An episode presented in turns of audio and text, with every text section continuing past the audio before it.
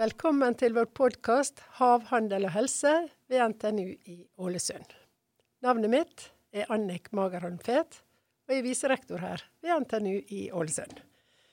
Med meg i studio i dag så har jeg Irina Emily Hansen. Og hun er ph.d.-student, eller stipendiat. Og hun er også prosjektleder for det som heter Manulaben. Velkommen til oss her i dag. Tusen takk for invitasjonen. Veldig hyggelig. Det er veldig hyggelig alltid å fortelle om uh, vårt nye lab. Det kalles Manolab, det som står for Manufacturing Lab. Uh, Fortell litt om uh, hva er det dere egentlig styrer med der? Ja. Så det er lab som en nasjonal infrastruktur for grunnforskning på vareproduksjon. Og Manolab det er konseptet som har flere labber. Labber både i Ålesund, Trondheim eh, og på Gjøvik. Og Manolab har vi finansiert gjennom Forskningsrådet og egeninnsats fra partnere NTNU, Sintef Manufacturing og Sintef Industri. Og hvis jeg ville beskrive det egentlig hva, hva vi tenker Manolab er. Så jeg vil helst bruke uh, ord, sitere Elon Musk. Det han sa. We realized that the true problem, the true difficulty, and where the greatest potential is, is building the machine that makes the machine. In other words, it's building the factory. I'm really thinking of the factory like a product. Så det er slik vi tenker Manolab. Her kan næringslivet, forskere og studenter designe og teste produksjon av eksisterende eller nye produkter. Og Manolab det er egentlig kanskje store ord, men jeg vil si at det, det er med på å utføre samfunnsoppdrag. Uh, husk når Norge fant olje på 70-tallet. Hele produksjonen, eller mesteparten av produksjonen, ble outsourcet til utlandet. Og det ble mindre og mindre kompetanse på produksjon i Norge. Og det er til og med når vi snakker undervisning, det fins ikke nesten undervisning i produksjon i Norge. Veldig lite. Men nå, olje har fått en betydelig mindre rolle bedrifter må nødt til å tenke nytt. Vi må tenke nye eksportinntektene. Hundretusenvis av nye arbeidsplasser. Så her må vi være innovative, altså.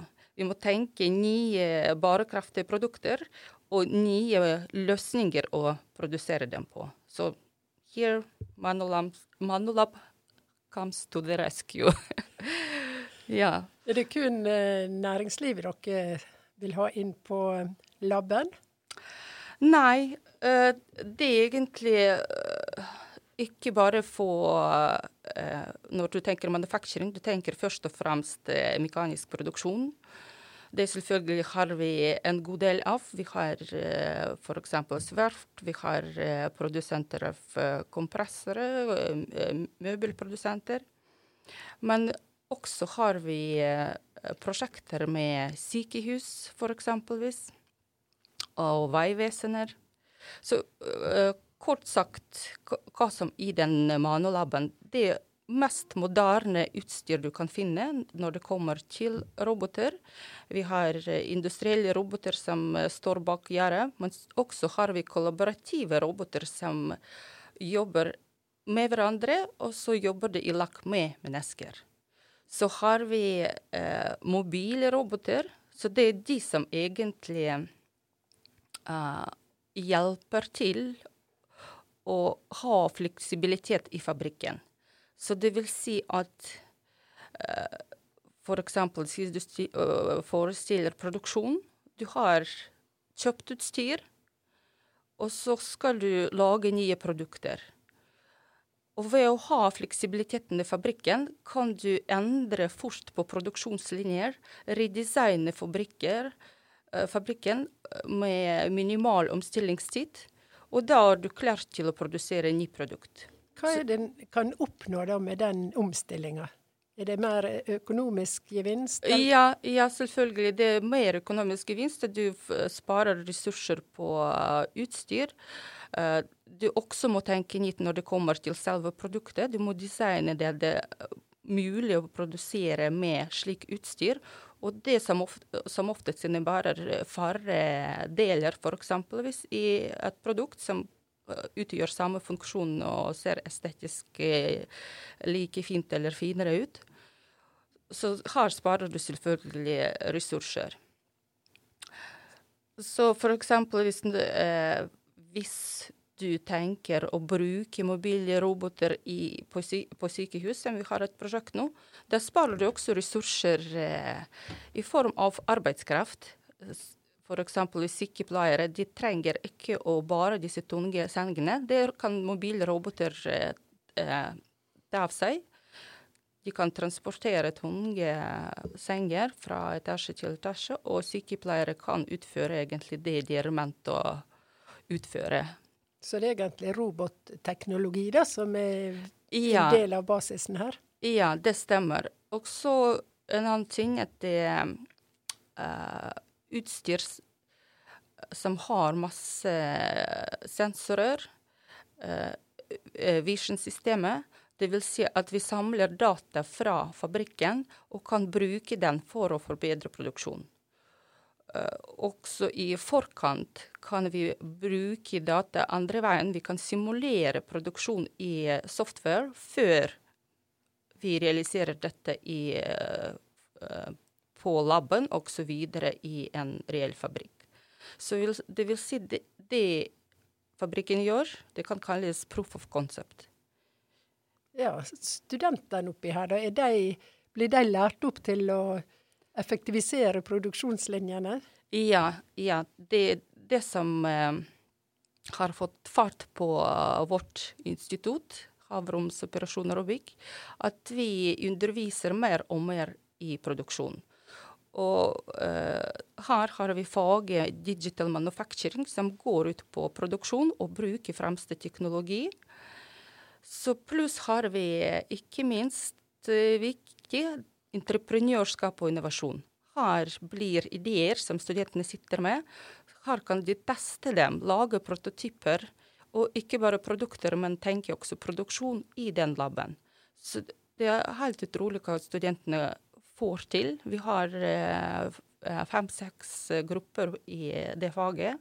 Og veldig viktig å nevne at eh, der er det tverrfaglig samarbeid, der det er studenter både fra automasjon og produkt- og systemdesign. Og alle bidrar med sin kompetanse i et prosjekt. De finner på et eller annet idé som de uh, egentlig kan teste inne i fabrikken. Og det er selvfølgelig en fordel også. De drar inn uh, eventuelle brukere av uh, produktet de skal utvikle. Og når den brukeren får mulighet til å se den, egentlig, den prototypen på laben, så da blir de veldig gira. Ja. Du, eh, du, sa jo dette her med design, da. Og design eh, eh, Nå er vi opptatt av dette her med sirkulærøkonomi. Som handler mm. om at du skal kunne modul, ta moduler av produkt og kunne utvide levetida og gjenbruke ja. materiale osv. Og det er jo veldig sånn i bærekraftsånden, da.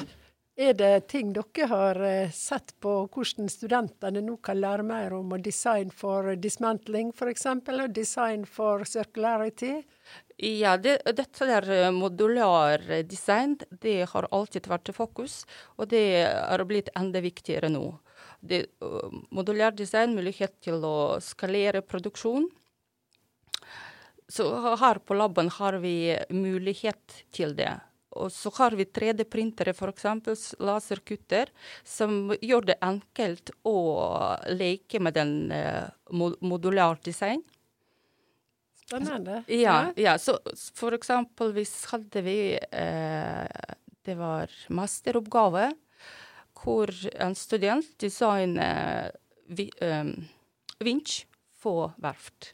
Det, du tenker selvfølgelig hvor, hvordan det går, og finnes det veldig stort og flere tonn, kanskje. Så vi designer, eller studenter designer selvfølgelig i mye mindre skala, men man tenker at OK uh, Det er produkt som er veldig tungt. Hva vi kan gjøre med det? Vi kan bruke uh, kreftene som finnes naturlig i verden. Redusere antall komponenter i vinsjen, og så tilrettelegge tilsvarende produksjon. Så det blir bespa store besparelser både forhold til uh, deler i selve produktet, uh, timer brukt på dette, uh, menneskelig kraft kraftig redusert. Så alle disse besparelsene er selvfølgelig veldig bærekraftig og framtidsrettet. Høres utrolig interessant ut. Det er veldig betimelig å få den laben nå i drift. Og jeg vet at her er det store utfordringer og muligheter fremover. Så uh, tusen takk skal du ha, Irina. Ja, bare hyggelig. Og, og velkommen. Velkommen med alle uh, deres ideer, prosjekter. Hjertelig velkommen. Så det er en veldig fin arena for tverrfaglig samarbeid på alle institutter på campuset, bl.a. Og for industri, offentlige institusjoner og og studenter og forskere. Ja, Det er helt i tråd med det vi satser på. Tett på sier vi vi er. Og det er tett på fagmiljøet, og tett på brukerne og tett på forskerne. Så dette tror jeg har stort potensial for utvikling videre. Ja, det stemmer. Det stemmer. Vi gleder oss til å se hva du kan eh, finne på videre, ja. og utvikle det som vi nå har hørt litt om. Ja, Takk skal du ha. Tusen hjertelig.